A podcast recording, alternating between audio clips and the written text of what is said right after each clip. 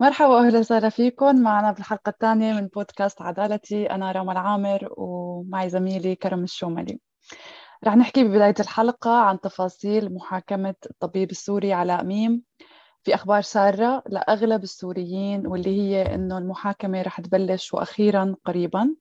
صار لنا فترة طويلة عم ننتظر هذا الإعلان ونترقبه وما حدا عارف إيمت ممكن تبلش. بس المحكمة العليا بمدينة فرانكفورت بألمانيا أعلنت يوم الأربعاء بتاريخ 10 نوفمبر أنه من المنتظر بدء وقائع محاكمة الطبيب السوري بتهم التعذيب وارتكاب جرائم ضد الإنسانية. هالشي رح يكون بيناير كانون الثاني يعني بشهر واحد من عام 2022 المقبل طبعا. أه، سيتم الإعلان عن تواريخ الجلسات بشكل منفصل أه، لاحقا من قبل المحكمة و طبعا هالشيء اجى بعد انتظار دام تقريبا السنة والخمس شهور من وقت وضع آه، علاء آه، ميم قيد الحبس الاحتياطي وتقريبا خمس شهور من وقت ما تقدم الادعاء العام آه، بدعوى ضد الطبيب بتموز يوليو من عام 2021 يعني تقريبا شيء سنة ونص صرنا ناطرين لحتى تماما. تقبل المحكمة لائحه التهم اللي قدمها الادعاء. آه بس إنه هو انمسك إمتى بال 2020 تقريبا بالشهر السادس. بعد سنة بالحبس الاحتياطي قدمت قدم الادعاء لحد التهم من أربع شهور أو خمس شهور وهلأ ب 10 الشهر لحتى وافقت عليها المحكمة. ف كثير طول بس مثل ما بتعرفي يعني بيروقراطية بالنظام القضائي كورونا هلأ الوقت ما نسهل على أي مؤسسة حكومية. بس أهم شيء إنه رح تبلش المحاكمة ومثل ما قلنا بالحلقة الماضية آه بالمناسبة يعني اللي عم بيتابعنا لأول مرة آه هي الحلقة الثانية من بودكاستنا واللي ما حضر الحلقة الأولى بيقدر يرجع يشوفها ويسمعها هي موجودة على صفحة المركز السوري للعدالة والمساءلة. بالإضافة إنه فيكم تسمعوا وين بتسمعوا البودكاست. إذا أنتم ما بتحبوا تشوفوا الفيديو بتحبوا تسمعوا على الماشي فيكم على سبوتيفاي Google Podcast Apple Podcast أو أي محل تسمعوا فيه البودكاست. ف okay من ضمن الأشياء اللي ذكرناها بالحلقة الأولى إنه الطبيب اللي عم نحكي عنه هو علاء ميم عمره هلأ تقريبا 36 سنة. غادر سوريا ب 2000 أو غادر سوريا لتركيا. لتركيا وصل بال 2015 على ألمانيا. والشيء الملفت للنظر إنه هذا الشخص قرر يجي على بلد جديد بعد كل شيء جرائم ارتكبها بسوريا ويشتغل كطبيب. أوه. فهو كان إنه عم بيمارس مهنه الطب بالمانيا بمشفى بولاية هيسن لحد ما تم القبض عليه بال 2020 ومثل ما ذكرت من 2020 لهلأ بدل المشفى تخيل. طبيبنا إيه موجود بالحبس الاحتياطي هلا. تماما. تخيل كرم يعني ضل حوالي خمس سنين عم يشتغل بألمانيا من 2015 ل 2020 عم نحكي. ما حدا حاس عليه ولا عارف فيه يعني رقم مو قليل ابدا. أها والرقم اللي مو قليل ابدا كمان هو عدد الجرائم يلي المفروض إنه ارتكب حسب الادعاء. آه هو حاليا عم بيحاول بيواجه آه تهم بالحالات اللي تم قبولها بالقضية الرئيسية.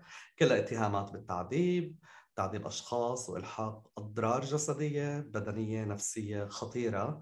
فيهم أثناء وجودهم سواء بمشافي عسكرية بسوريا أو بسجون التابعة لأفرع المخابرات أو بالتحديد فرع المخابرات العسكري بحمص. هنيك بأثناء فترة عمله بال 2011 وال 2012 كان بيتم مثل ما بتعرفي احتجاز معارضين أو متظاهرين آه، أي حدا بيتم اعتقاله على نقاط التفتيش بياخذوه لهنيك فإذا كان بحاجة لرعاية طبية بينتهي عند طبيبنا علاء تماما هي هي التهم يعني كلها تمت بنا يعني حسب الادعاء بين عام 2011 و 2012 يعني هذا المعروف. آه كمان كرم ذكر بلائحة الدعوة أنه المتهم علاء ميم قتل سجين متعمد وعن قصد عن طريق إعطائه حقنة. وهالشيء لاثبات قوته ولقمع يعني جزء من الشعب السوري قمع الاحتجاجات.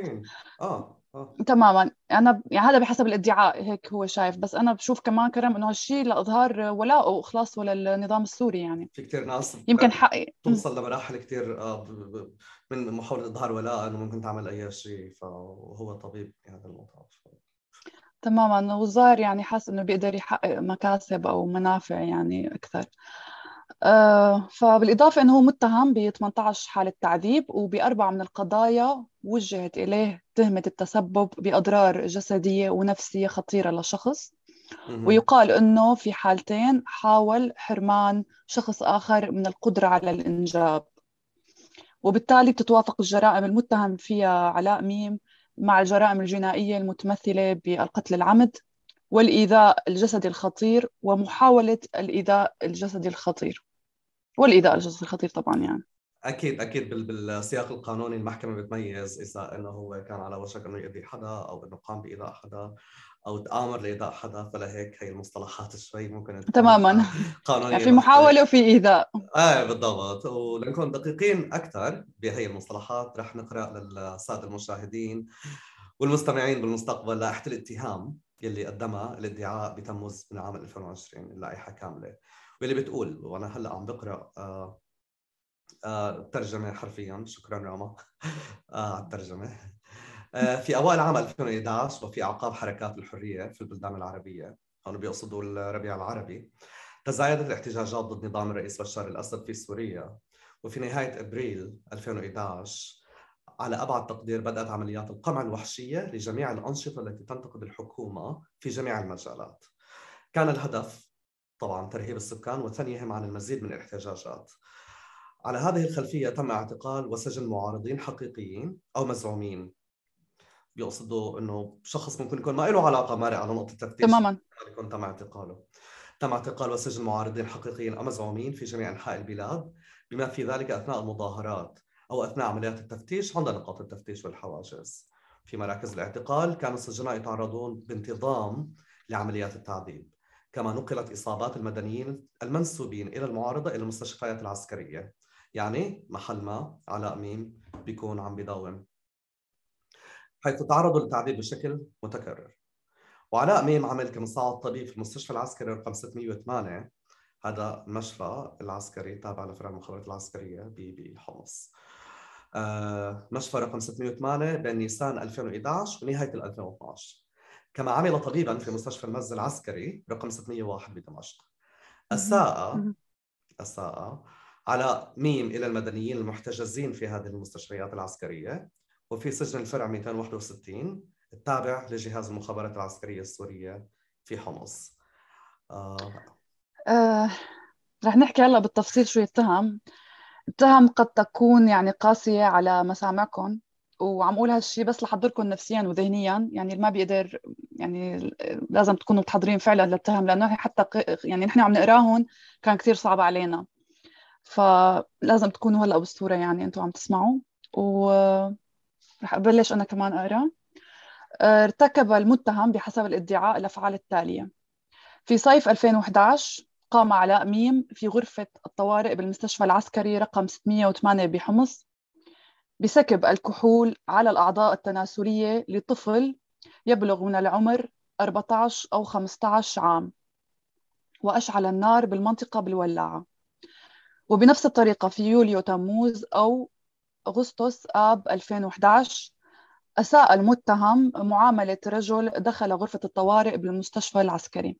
وبين أبريل نيسان ونوفمبر تشرين الثاني 2011 عذب علاء ميم ما لا يقل عن تسعة سجناء آخرين في مستشفى حمص العسكري رقم 608 بركلهم في مواضع مختلفة بما في ذلك لكمهم في الوجه أو البطن أو الأعضاء التناسلية أو الضرب بأدوات طبية. كما ضغط المتهم على الأعضاء التناسلية لأحد السجناء وضرب عظمة مكسورة موجودة في عظمة أخرى. قام المتهم بتصحيح كسر في عظم سجين دون تخدير كاف. يعني بكلام آخر كان عم يجري عملية جراحية عظمية آه، بالعظم يعني من دون تخدير والمريض كان صاحي وواعي. عم تخيل كرم؟ آه لا وال والشيء المفاجئ إنه هو مو اختصاصه عظمية.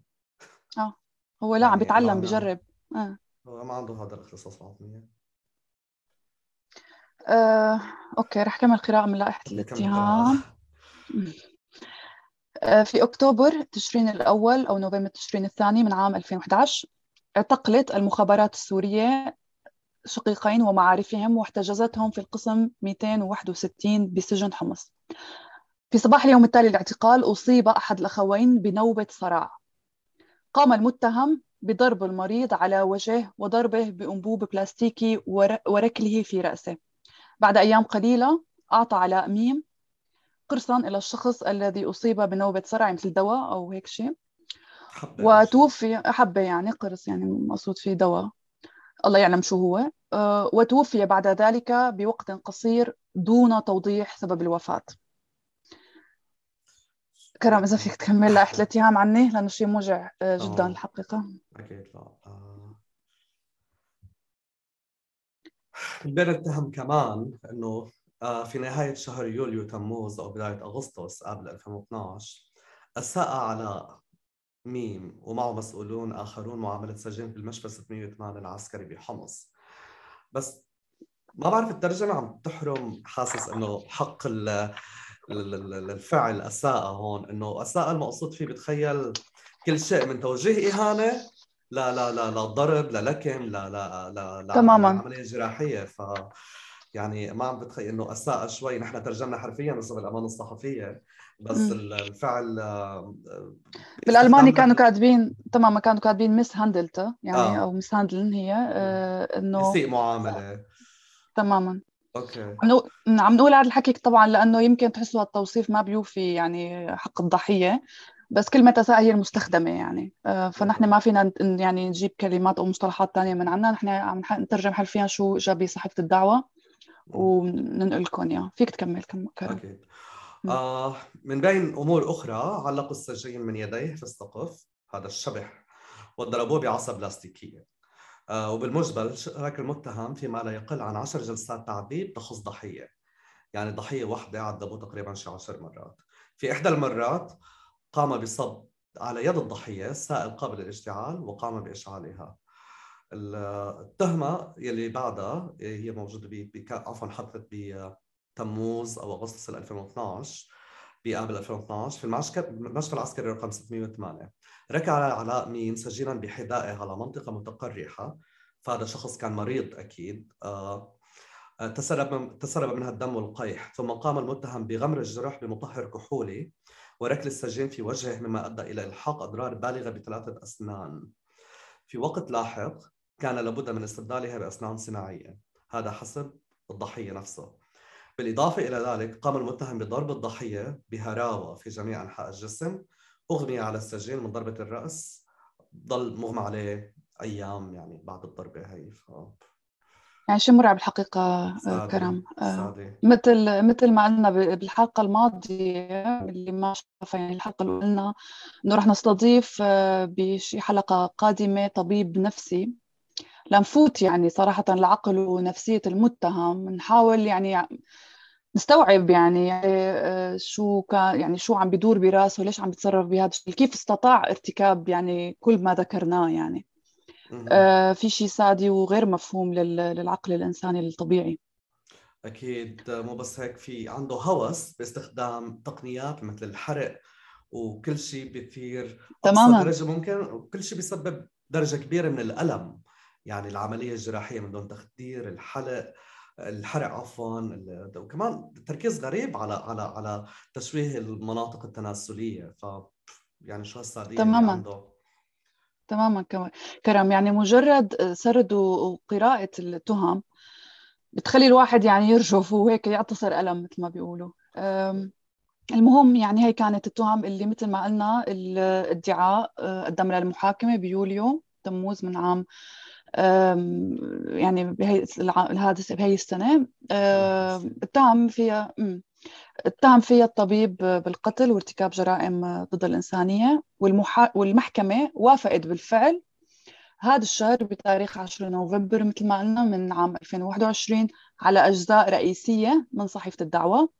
بس للأسف المحكمة لم تقبل الاتهامات بعشر وقائع أو تهم لأسباب قانونية ولأنه مثل ما ذكرت المحكمة أنه ما في تفاصيل كافية لهي التهم. طبعا المدعي العام كان بيقدر يقدم اعتراض آه، على قرار المحكمة بغضون أسبوع. عم نحكي نحن يعني هذا الحكي كان ب 20 نوفمبر نحن اليوم 23 فهو بخلال أسبوع من قرار المحكمة الاتحادية بيقدر كان يقدم اعتراض بس لحد اليوم ما تقدموا بشكوى. أو على الأغلب وافقوا على قرار المحكمة بإسقاط بعض التهم. يمكن يمكن هن كمان حاسين إنه ما عندهم دلائل كافية ما بنعرف يعني. أه بس هي هي لأح... يعني هذا اللي وصلنا. ويعني طبعا لاحد الاتهام ما زالت طويلة لسه في كثير يعني في اتهامات. فنشوف التحديثات القادمة شو ممكن هذا الشيء ما بيعني إنه هي هي الأفعال ما حدثت.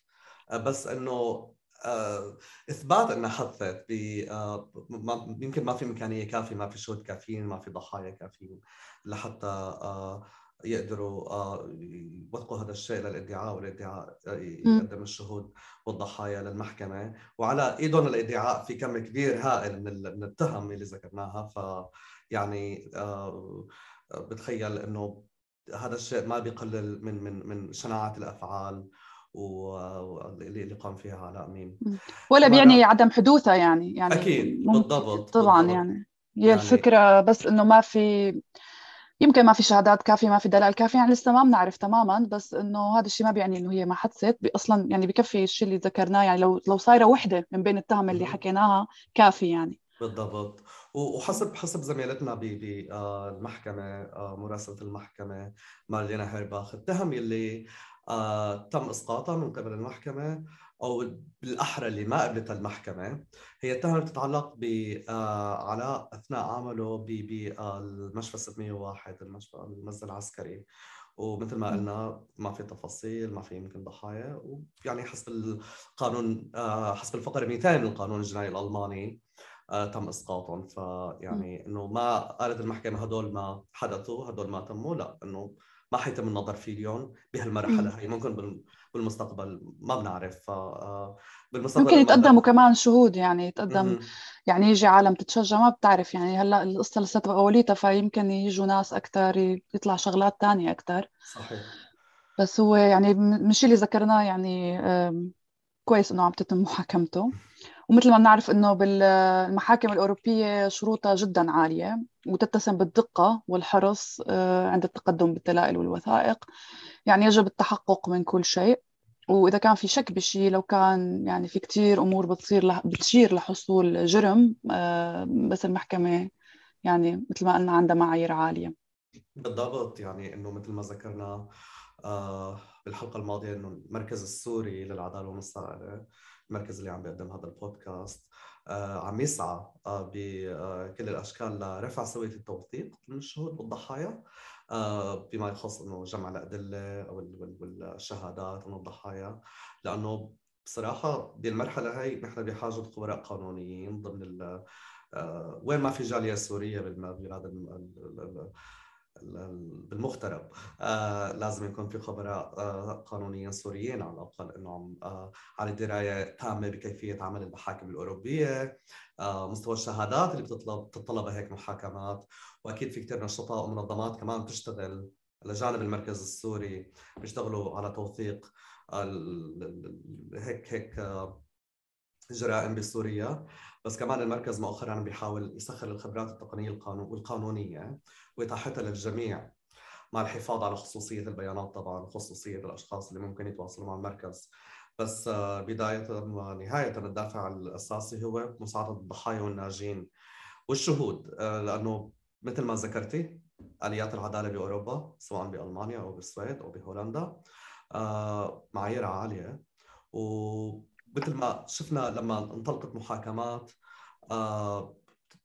صار في لما بلشت محاكمة كوبلين صار الكل آه، إنه يدقق على على على على كفاءة الشهادات على على على بالضبط كرم يعني التوثيق تماما يعني التوثيق الغير مسؤول والغير مهني آه، بيعمل خلل وعطل غير قابل للإصلاح وتأثيراته سلبية وسيئة جدا على سير سير عملية أي محاكمة.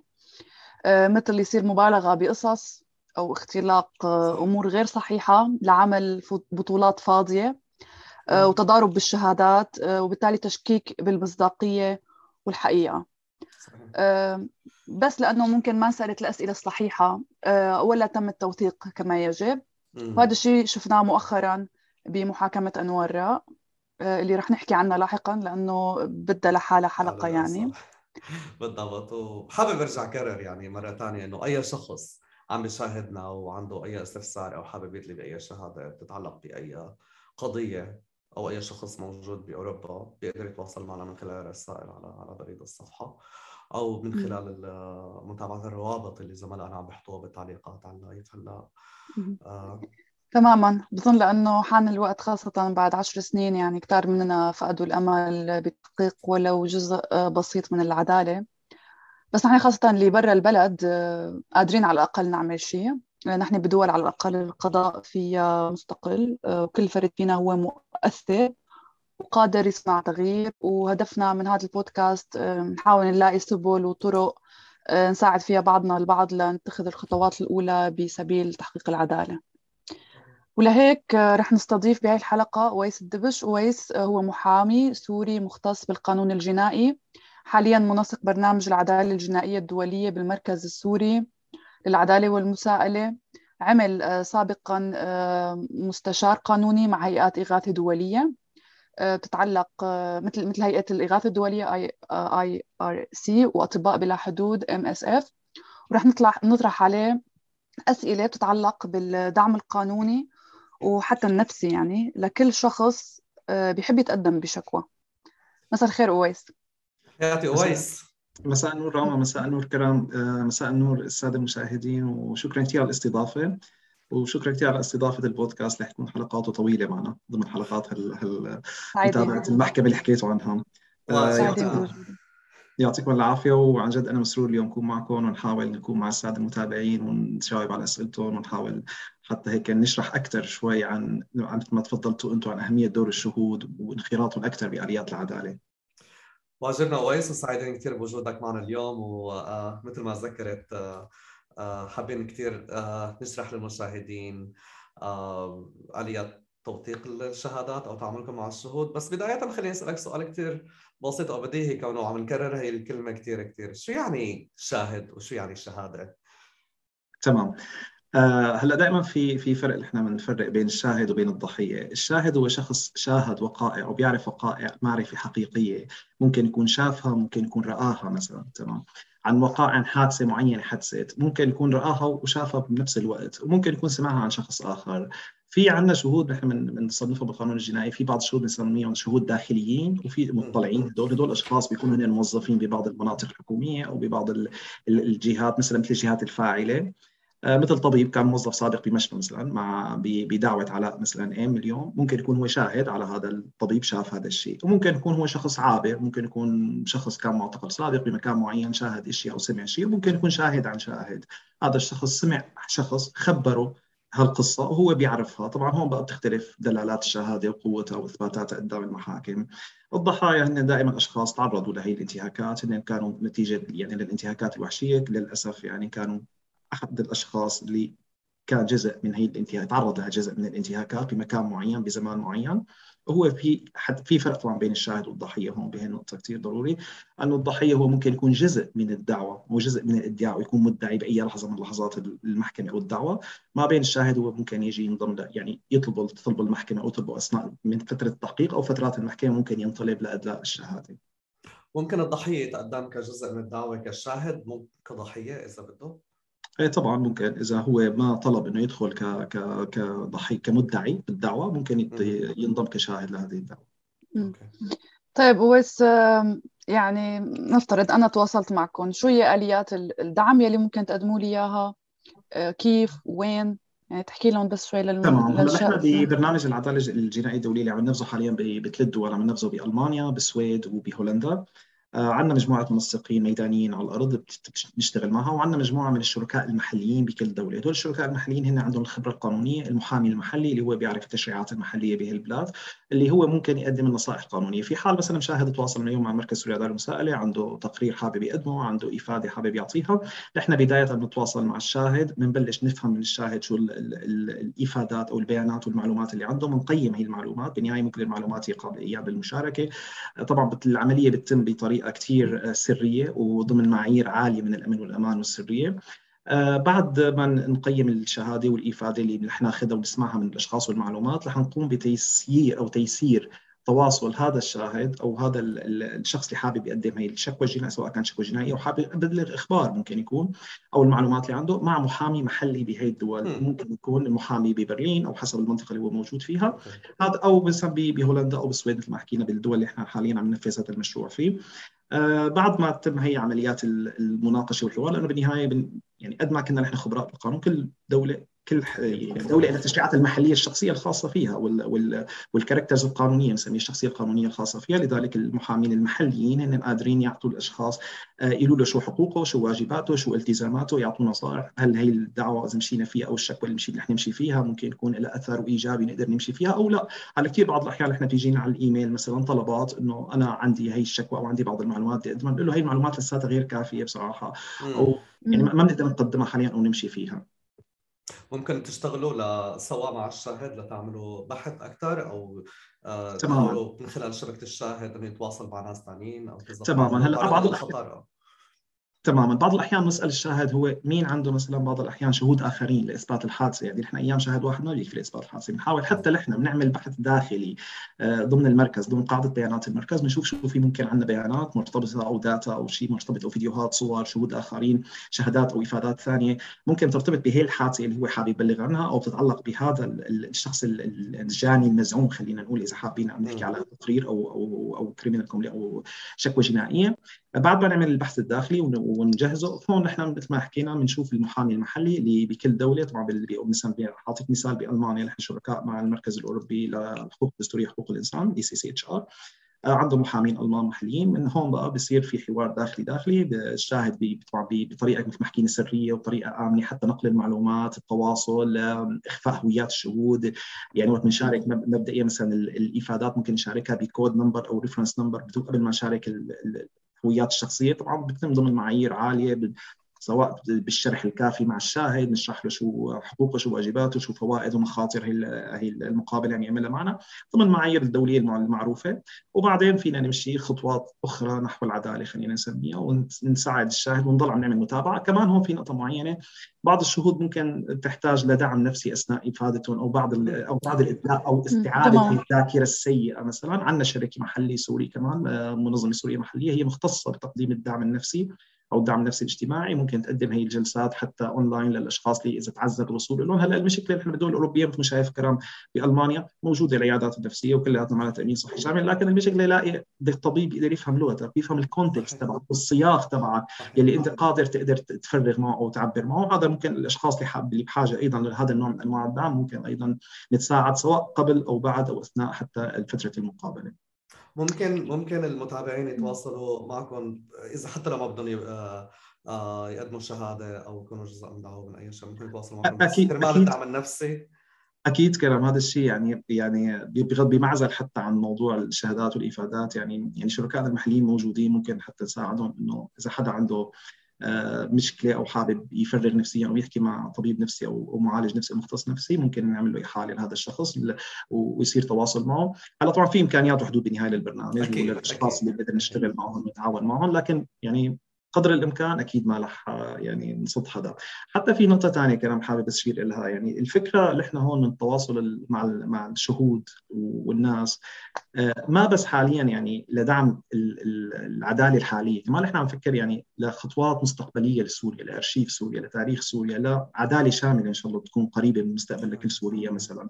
بس هي نحن عم اليوم مثل شايف الخطوات اللي عم تصير بكوبلينز وبعض الدول الأوروبية بالاستناد للاختصاص القضائي خجولة شوي خجولة لكن بالنهايه طريق محدود قابل للحياة أنا فيني اسميه نحو العدالة خطوات نحو العدالة خلينا نسميها. لكن نحن حاليا عم نختبر كسوريين قدراتنا قديش نحن قادرين نعمل مع الشهود ومع الضحايا قديش فينا نشتغل ندعم هي الآليات ودعم خلينا نسميها هي القضايا وهي التحقيقات اللي عم تصير. لأنه هي بالنهاية كل الخطوات نحو العدالة وهذا الشيء أكيد يعني رح يأثر مستقبلا على فكرة على سير عدالة لسوريا. إنه الضحايا اليوم الشهود إذا فقدوا الثقة بالمجتمع المدني السوري وفقدوا الثقة بالعدالة، هذا الشيء اللي يخليهم يترددوا وينخرطوا أكثر بآليات عدالة موسعة أو شاملة لاحقا بالمستقبل. ما تفضل. يعني لا يعني تمام. يعني إذا حدا قرر يكون شاهد أو جزء من دعوة أنتم بتقدموا له التمثيل القانوني. تمام. إذا ما حابب يكون شاهد أو شيء أنتم بتقدموا له الدعم النفسي. يعني إذا كان حابب أو بحاجة هو بتقدموا له نصيحة قانونية أو دعم نفسي. أه و بظن يعني هذا بهي الجزئية غطيتها يعني ممكن ما, ما في شيء يعني. ممكن تذكر المشاهدين بأي بلدان حاليا آه، موجودين وكيف ممكن يتواصلوا معكم إذا حابين؟ تماما. الفرق القانونية وين موجودة؟ تمام. هلأ موجودين نحن ببرلين بأمستردام وموجودين بجنوب السويد بمالمو آه عندنا ثلاث مثل ما حكينا ثلاث ثلاث منسقين ميدانيين على الأرض وإن شاء الله أكيد فيهم يتواصلوا الأشخاص اللي حابين يتواصلوا يتواصلوا مع صفحة المركز، الصفحة المركزية بتحولهم للمنسق الميداني الموجود على الأرض بالمانيا أو سواء بالسويد أو بهولندا ويبلش بعدين عملية التنسيق والتعاون مع الشاهد أو مع الضحية. بس هي الفرق القانونية موجودة بهي البلدان بس إذا الشهود موجودين بغير دول بغير دول أوروبية بيقدروا توصلون مع هدول تمام. هل إذا يعني ما حابب يبلغ؟ تمام. هلأ نحن للأمانة يعني يعني حتى قبل برنامج البرنامج الحالي يعني نشتغل فيه أساسا كنا نشتغل آه، بمعظم يعني أساسا كان نشتغل معظم الدول الأوروبية ومعظم اي أي خطوة نحو العدالة واي آلية للعدالة سواء محلية أو دولية بنحاول ندعمها دائما. لذلك أي شاهد حابب يتواصل معنا أكيد بكل سرور يعني فينا نحكي معه فينا نشوف مثلا التبليغ اللي عنده أو الوثائق اللي عنده. لكن دائما عم نكون للأمانة أمينين مع الناس. يعني مثل ما حكيت لك كثير كان بيجينا إيميلات أو طلبات محدد إنه أنا عندي هيك طب هذا غير كافي بصراحة لاقدر أبلغ وأمشي بتاعه. ما رح أعطيك وعود كاذبة. انه أنا إذا أخذت المعلومات منك ممكن أنت بكره تشوف هذا الشخص عم يتحاكم لا. يعني في في أمانة دائما بيننا وبين الناس بس أكيد نحن منفتحين نأخذ هي البيانات من أي شخص سواء كان داخل هي الدول الثلاثه أو خارج الدول الثلاثه بس طيب. الدول الثلاثه قادرين نأمن له التمثيل القانوني طيب اويس انت عم تقول يعني في شغلات بيبعثوا لنا إياها ما بنقدر مثلا ناخذها أو ما بنقدر شو هي معايير الشهادة؟ و تمام. يعني كيف آه. هلا ال ال هلا خلينا نحكي نحن اليوم على تبليغ. مثلا إذا شاهد أنا بدي ابلغ عن جاني مزعوم موجود اليوم ببرلين أو موجود اليوم بهولندا. آه بعض الأشخاص بتيجي بتقول لي إنه كان في شبيح مثلا من من شبيحة النظام عندي صور له على الفيسبوك عندي محادثات له هيك عامة وأشياء عامة بس بالنهاية ما في شيء بيشير إنه هذا الشخص مرتكب جرائم حرب. المشكلة آه، لازم بالقضاء الأوروبي أنت حكيت كلمة مهمة راما وكرمت شرحته القضاء الأوروبي قضاء عادل وصارم بعض الأحيان آه، بطلباته وبال يعني ما فينا نقول نحن اليوم أي حدا راح بلغ عن حدا هذا الحدا توقف. لا يعني اليوم لازم يكون في وصل بين الحادثة وبين هذا الشخص. هذا الخط إذا ما قدرنا نثبته بشهادات بإفادات بفيديوهات بصور داعمة له بوثائق على الأقل أكثر من شهادة تأيد هذا الحديث. نحن اليوم ما فينا يعني اليوم مو أي حدا لبس بدلة عسكرية وحمل كلاشينكوف هو مجرم. ما فينا نقول هيك لا. بدنا نعرف شو الحادثة المعينة والمحددة الواضحة والصريحة. امبارح بالأمس كنا بحديث مع آه آليات عدالة بهولندا وبألمانيا. آه كانوا عم يسألوا عن حوادث محددة. يعني أنا بدي أعرف اليوم هدول الجانين مزعومين أو alleged perpetrators وين آه، شو عملوا حوادث محددة بسوريا؟ وين ومين هن الشهود؟ في أسئلة طويلة يعني. دائما لازم يكون في معايير في عندنا ظروف موجودة. حتى نقدر نكون أمينين مع الناس. حتى مثل ما قلت لك نحن أيام نحاول نعمل حتى يعني دراسة داخلية بحث داخلي بالمركز.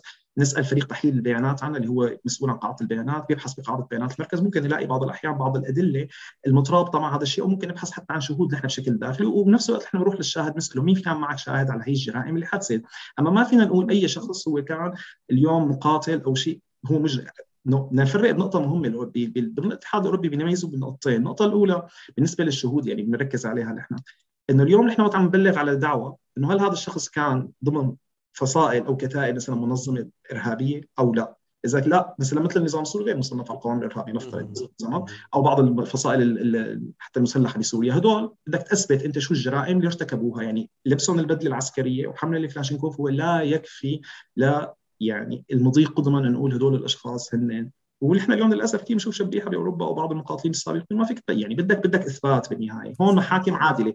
بتوفر للضحية والشهود والطرف الأول يعني محاكمة عادلة. بنفس الوقت بتحو للمدعى عليه محاكمة عادلة كاملة يعني. هذا هذا شيء هذا شيء كويس بيشرح كمان ليش المحاكمات اللي عم تصير حاليا بأوروبا عم تاخذ كثير وقت وطاقة وجهد من الكل سواء من طرف صحيح. المحاكم أو الطرف السوري آه، بجهه الإدعاء. آه، يعني محاكمة آه، أنور راس صار تقريبا من شهر 3 2020 حيصير صار سنة وتسع شهور. ولسه ما انتهت. بس برأيك يعني إذا كل محاكمه حتاخذ لها سنة وسنتين، شو احتمال إنه يكون يكون الدول الأوروبية عندها الطاقة واستطاعه لمحاكمة ممكن عشرات من السوريين الموجودين بأوروبا؟ تمام. هلا للأمانة حتى أنت إذا بتروح لل يعني لأبعد من هيك، إذا بتطلع على المحكمه الجنائيه الدوليه أو بعض المحاكم الدولية كان لها طاقة محدودة لمحاكمة بعض أكثر مرتكبي انتهاكات الجرائم، يعني هلا بالنهاية الوحدات جرائم الحرب بأوروبا أو ال أو ال حتى يعني آليات العدالة على المستوى الوطني اليوم شوف الإدعاءات العامه، مثل ما تفضلت أنت عندهم بالنهاية يعني قدرة محدودة أو مستوى محدود يقدروا يتابعوا الجرائم والتحقيقات يعني اليوم بفرنسا مثلا مفتوح أكثر من 129 تحقيق جاري مو كله لسوريا بس الماجوريتي والأغلبية الأكثرية لسوريا. مثلا. من 129 140 تحقيق. الأكثرية لسوريا. اليوم عم نحكي بألمانيا كان من فترة في 40 تحقيق خاص متعلق بسوريا. ماشيين يعني تخيل أنت هالرقم. بس بالنهاية ما رح يعني ما بجوز ما الكل يروحوا محاكم تمام؟ نظرا لعدم كفاية الأدلة. وفي منهم قد يروح. لذلك نحن دائما بدنا نروح على محاكم وندعم هي المحاكمات وندعم آليات العدالة لازم نكون كثير جديين وواضحين بدعمها. يعني يوم الشاهد بده يروح ما نحاول نغرقها. تمام؟ لآليات العدالة في بعض الأحيان آه، لازم يكون جديين. يعني الشاهد اللي ذات صله مباشره بهذا الشيء نوجهه. آه، يعني بعض المشاكل اللي واجهتها وحدات جرائم الحرب أو بعض آليات العدالة بأوروبا كانت هي تغريقهم بكثير تفاصيل وبعد ما يفضوا ست اشهر تحقيق كل الشهود مثلا لستة الشهود طلعت غير ذات صلة بالسياق اللي نحن عم نحقق فيه اليوم. لذلك نحن بالمركز بنحاول نعمل شغلة. أنا ذكرتها سابقا إنه نعمل تقييم أولي. لهي الشهادة أو الإفادة أو أو أو المعلومات اللي عندنا قبل ما نشاركها. لأنه بالنهاية مثل ما تفضلت كلمة انه بالنهاية في محدودية يعني اليوم نحن بنحكي على فترة طويلة كثير بس هذا الشيء كثير منطقي. بالنهاية هي يعني من المحاكمات العادلة تمام؟ أي أحد جزء من المحاكمات عادة إنه كله ياخذ فرصته بالشهود والدفاع والضحايا وكله ياخذ متهم بريء حتى تثبت ادانته عكس أكيد. وهذا بينطلقوا منه بأوروبا يعني هذا أوروبا. طيب ويس هلأ أنت حكيت هلأ قبل شوي عن آه، أنتم بتكونوا واضحين وفي أمانة مع مع الشاهد أو مع الضحية أو اللي بده يتقدم للمحكمة. فشو هي حقوقه؟ شو شو هي التزاماته القانونية؟ تمام. آه، بعد يعني إذا قرر يكون جزء من الدعوة يعني كمان لازم يكون هو بده يعرف شو اللي له وشو اللي عليه وشو اللي ممكن يعني إذا بده يخسر شيء أو إذا أكيد. هلا للأمانة بي بي مثل ما حكينا يعني اللي إحنا بالنسبة لنا وقت بيبدا من عنا اول حق له هو يعرف هي المحاكمه أو هي التبليغ أو المعلومات اللي عم يقدمها للمركز شو هي فوائدها وشو هي مخاطرها وين ممكن يشاركها وين المهمة اللي إذا جاك شو هي مهمتنا اللي عم نشتغل فيها ومع مين رح تتشارك يعني هي أبسط شغلة. بعدين لاحقا عندك بأوروبا أنت ما بتعرف يعني التحقيقات بأوروبا بتبدأ من فترة التحقيق عندك بعدين فترات الاستجواب بعدين المحاكمه بعدين مراحل الاستئناف والطعون. المراحل الأولى اللي هي اللي إحنا بنبلش فيها وقت يفوت عليها الشاهد اليوم أو عم نحكي عن الضحية. له حقوق أكيد فيها. يعني ممكن الشاهد يروح من أبسط حقوقه يعرف هل المشتبه به اليوم رحنا الاحتجاز أو لا هو برا. هل أنا إذا رحت اليوم بلغت عنه وسمعوا افادتي قدام مركز الشرطة راح انتقم مني برا مثلا عمل علي ثقه هاي من هي من أبسط الأشياء. من أبسط الأشياء الثانية من حقوقه أيضا إنه يستعين بمحامي. إنه هو لازم عنده يكون محامي يفحص له المعلومات يعطيه فكرة عن الملفات يشرح له شو حقوقه شو واجباته. هي أبسط شغلة تمثيل القانوني. بعض الأحيان هلا التمثيل القانوني آه، ال ال يعني بيكون بعض الأحيان إلزامي حتى يعني الدولة هي ممكن تقدمه ببعض الدول وهذا الشيء مجاني بيكون. آه، تعيين محامي اللغة. هلا اللغة للأمانة بعض الأحيان بفترات التحقيق ما بتكون مجانية ممكن هو يستعين. لذلك نحن لك عم نتدخل هون بهي المراحل عم نحاول إحنا ندير هي العملية مع المحامين المحليين أو سواء مترجمين. لكن مرحلة المحاكمه إلزامية يعني, يعني هو بيلاقي له حق انه يكون يعرف اللغة اللي عم فايت عم يسمعها. يعني بركي أنا ما بحكي اللغة الأم. حتى نحن يعني اللي إجينا على أوروبا وحكينا لغات أوروبية بس بالنهاية ما له لغتنا الأم يعني وأنت عم تحكي على محاكمه كثير دقيقة وتكون الترجمة محلفة. من أهم الحقوق الأساسية أيضا إنه هو ممكن بعض الشهود يدخلوا ببرامج حماية الشهود. طبعا هي محدودة للأمانة وبتدرس المحاكم دائما كل حالة على حدة وكل شغلة على حدة. حساسية كل حالة ما هي. تماما. ويعني ممكن يخفي هويته ممكن يخفي شخصيته ممكن يخفي هويته من فترة من بداية من التحقيق يعني. إنه أنا بدي أطلب اليوم فوت على الشرطة وعم بلغ أنا هويتي مخفية. آه معلوماتي مخفية. لازم ما حدا يدخل عليها لهي المعلومات أنا خلص أنا بدي بدي إنه عندي مثلا خوف أو عندي تخوف له حق رئيسي كثير مهم. ممكن يغير صوته بالمحكمة كرمال المتهم طبعا ممكن يغير صوته. مع وممكن حتى بعض الأحيان يخرجوا المشتبه به لخارج قاعة المحكمة وتؤدي شهادته. أو ممكن يخرج الشهود أو تكون حتى بعض الإفادات ضمن غرف مغلقة ممكن تصير. لأنه هو بالنهاية ما بده حدا يأثر عليه ممكن يخاف إذا شاف المشتبه به ممكن يصير تاتش ممكن ذاك يعرفه من نبرة صوته ممكن يعرفه من شيء. لذلك له حق بهذا الشيء. آه أيضا كمان في نقطة كثير مهمة يعني آه، من حقوقه للشخص. مثل حكينا إنه تغيير الصوت تغيير المج...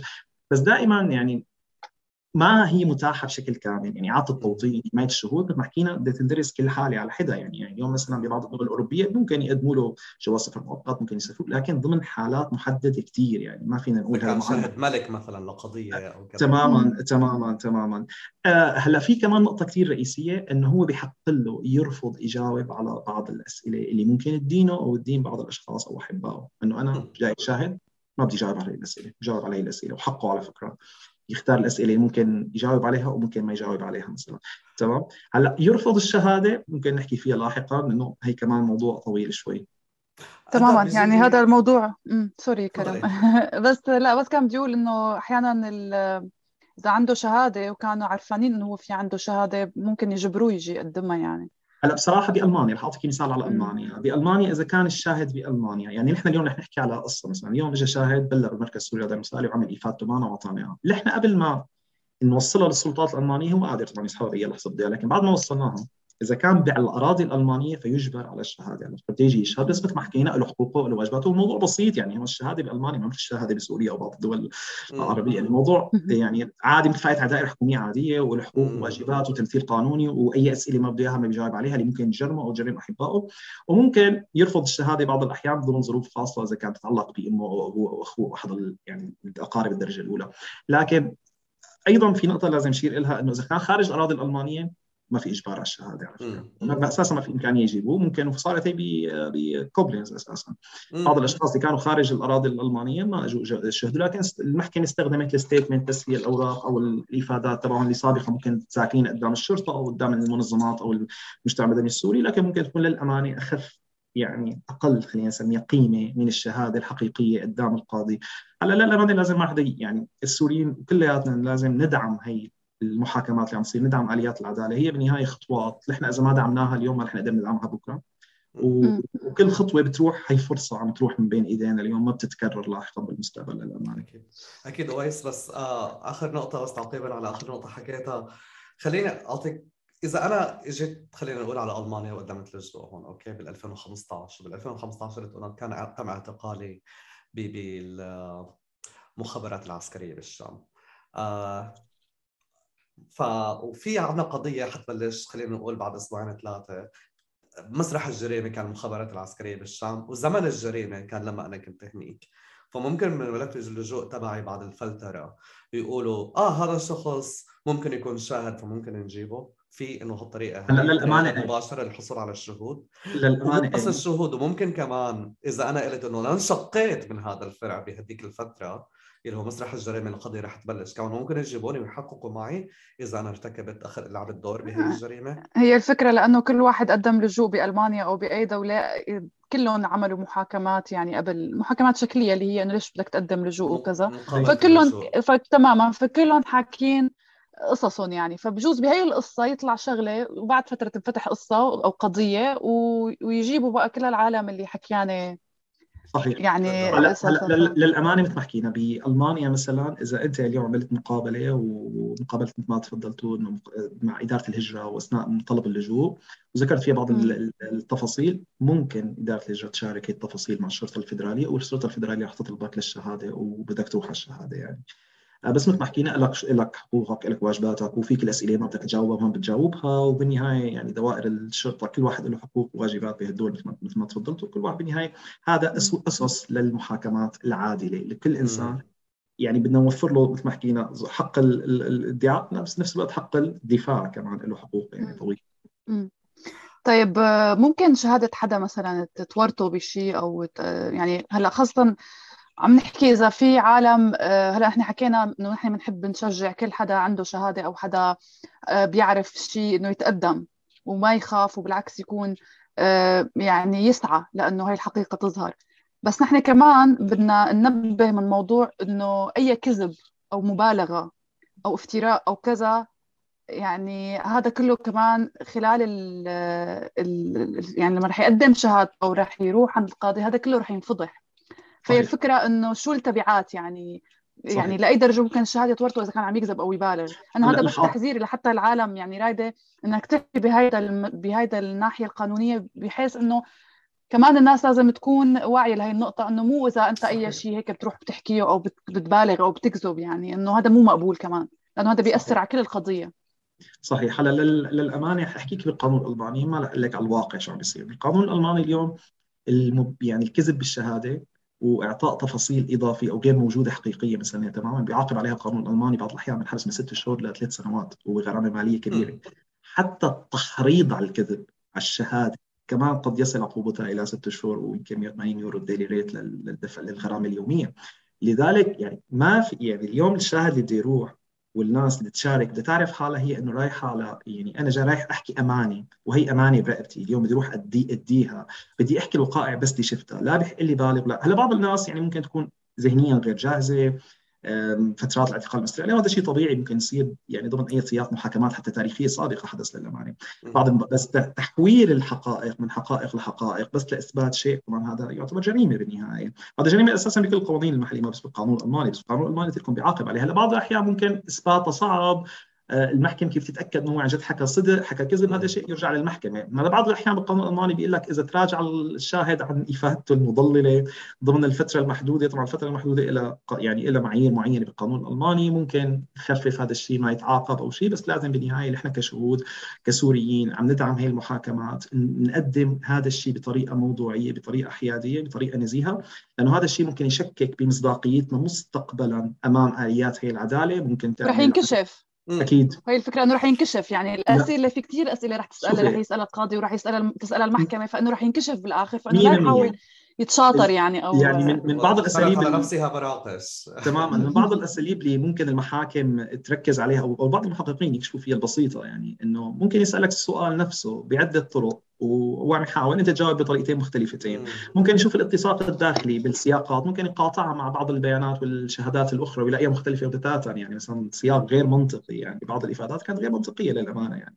وإحنا كسوريين كلياتنا اللي ما كنا بالمحكمة أو كنا بالمحكمة على السواء كنا بنعرف إنه هي فيها مبالغة رهيبة. هلا بالنهاية نحن بدنا العدالة. وأكيد كلياتنا بدنا إنصاف كامل للضحايا لكن بنفس الوقت مع الحفاظ على المحاكمات العادلة ومع الحفاظ على نزاهتنا وموضوعيتنا إنه هذا الشيء صدقا رح يأثر على سير المحاكمات مستقبلا وعلى سير خطى العدالة. إذا نحن عم نحكي اليوم بدنا عدالة شاملة إن شاء الله بالمستقبل لسوريا نشوفها وبدنا ثقة من آليات هي العدالة تضل موجودة فينا لازم نحن نكون نزيهين وحياديين لأنه بعد طبعا. فترة رح يكون في بلوك على بعض مصادر البيانات وهذا الشيء رح نخسر كلياتنا للأمانة هذا طرق العدالة المتاحة. بهي بهي الفكرة إذا بتحب توجه أي شيء للمشاهدين اللي عم بيشوفوك بشكل مباشر إذا بتحب ترجع تعيد لهم وين موجودين كيف يتواصلوا معنا؟ يتواصلوا. معك بشكل مباشر إذا بتحب. أكيد بكل سرور يعني نحن أساسا هذا البرنامج هو لدعم يعني تعزيز آليات العدالة، تعزيز العدالة ومحاولة إنصاف الضحايا، ردم الهوة أساسا بين آليات العدالة والمدعين ووحدات جرائم الحرب والمجتمع السوري، عم نحاول نقدم آه، الدعم اللي بنقدر عليه نقدمه. بهي الدول الثلاثه بألمانيا وهولندا والسويد إن شاء الله وفرقنا قلت لكم موجود على الأرض. وبكل سرور يعني مين بيحب يتواصل مع المركز سواء بهي القضايا أو بغير قضايا أو بأي نوع من أنواع الدعم القانوني أو الحقوق اللي بنقدر نقدمه أكيد ما رح نقصر إن شاء الله مع حدا أو أو يعني هو بالنهاية هدف هدفنا كلياتنا كسوريين. بس مثل ما حكينا عم نحاول دائما نحافظ على مستوى معين من المعايير والكفاءة. ونفس الوقت نوع من الموضوعية والنزاهة بالعمل إن شاء الله. طبعا فيكم يعني السادة المشاهدين والمستمعين فيكم تكتبوا تعليقات آه، تحت الحلقة لحتى ممكن نحن كمان بالحلقات القادمة نرجع نستضيف أويس وفينا كمان نجاوب على آه، أسئلتكم. يعني ضروري تتفاعلوا كمان تكتبوا أي سؤال آه، بدكم إياه. ممكن يكون أحد منكم هو شاهد أو حابب يتقدم بشيء وما عرفان الطريقة يعني. وأستاذ أويس رامو وأنا مستعدين نخليك هون كمان ساعة. أيوه. نسالك بس بتخيل وقت المقابلة خلص الوقت. حينتهي. بس إنه شكرا كثير على وقتك.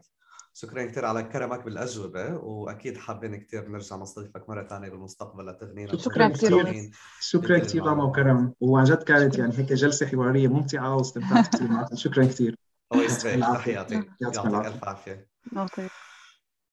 شكرا لأويس وشكرا للمشاهدين اللي لساتهم معنا. مثل ما ذكر أويس بالتعليقات فيكم آه تذكروا أي أسئلة أو تتواصلوا معنا عبر بريد الصفحة إذا عندكم أي أسئلة له هو شخص كثير كريم بالمعلومات يلي عنده.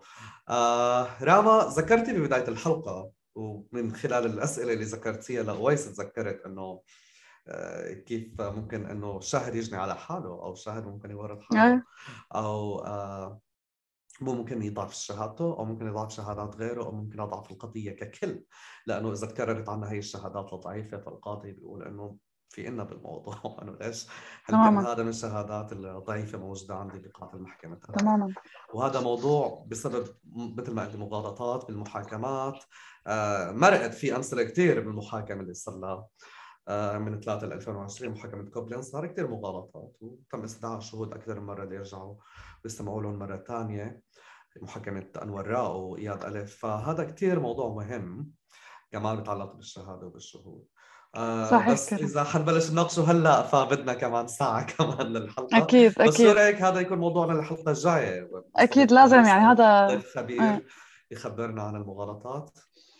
هذا الموضوع لازم نحكي عنه لأنه التضارب يعني بالشهادات اللي حصل آه يعني هو مو بس يعني نحن أنا عم بسأل هاي الأسئلة أو مستفزة منها يمكن في كثير سوريين شافوا شو صار بمحكمة كوبلينز وكلياتنا ما عرفانين إنه هالشيء كمان يعني حصل شو الأسباب يعني هل هي ترى مقصودة غير مقصودة؟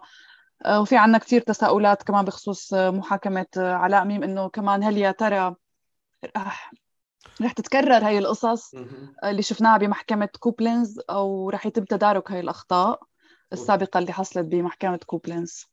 أكيد ف... وتعلم دروس محاكمه كوبلنز آه، إذا كرمال ما تتكرر هي الأمور بمحاكمة جديدة. فلهيك آه، هذا حتكون حلقتنا الجاية آه، راما والمشاهدين. يلي حتكون إمتى راما؟ ب 7 ديسمبر 7 ديسمبر. كانون الأول. الشهر الجاي. الشهر الجاي الساعة 6 المساء بتوقيت برلين أو بتوقيت دمشق حتكون الساعة 7 المساء. 7 7 المساء. فإذا آه، بتحبوا تتابعونا آه، هذا حيكون لقائنا. ولحد هذاك الوقت تضلوا بخير. أنا كرم شوملي. وأنا راما العامر مقدمي بودكاست عدالتي. مع السلامة. تحياتي للجميع.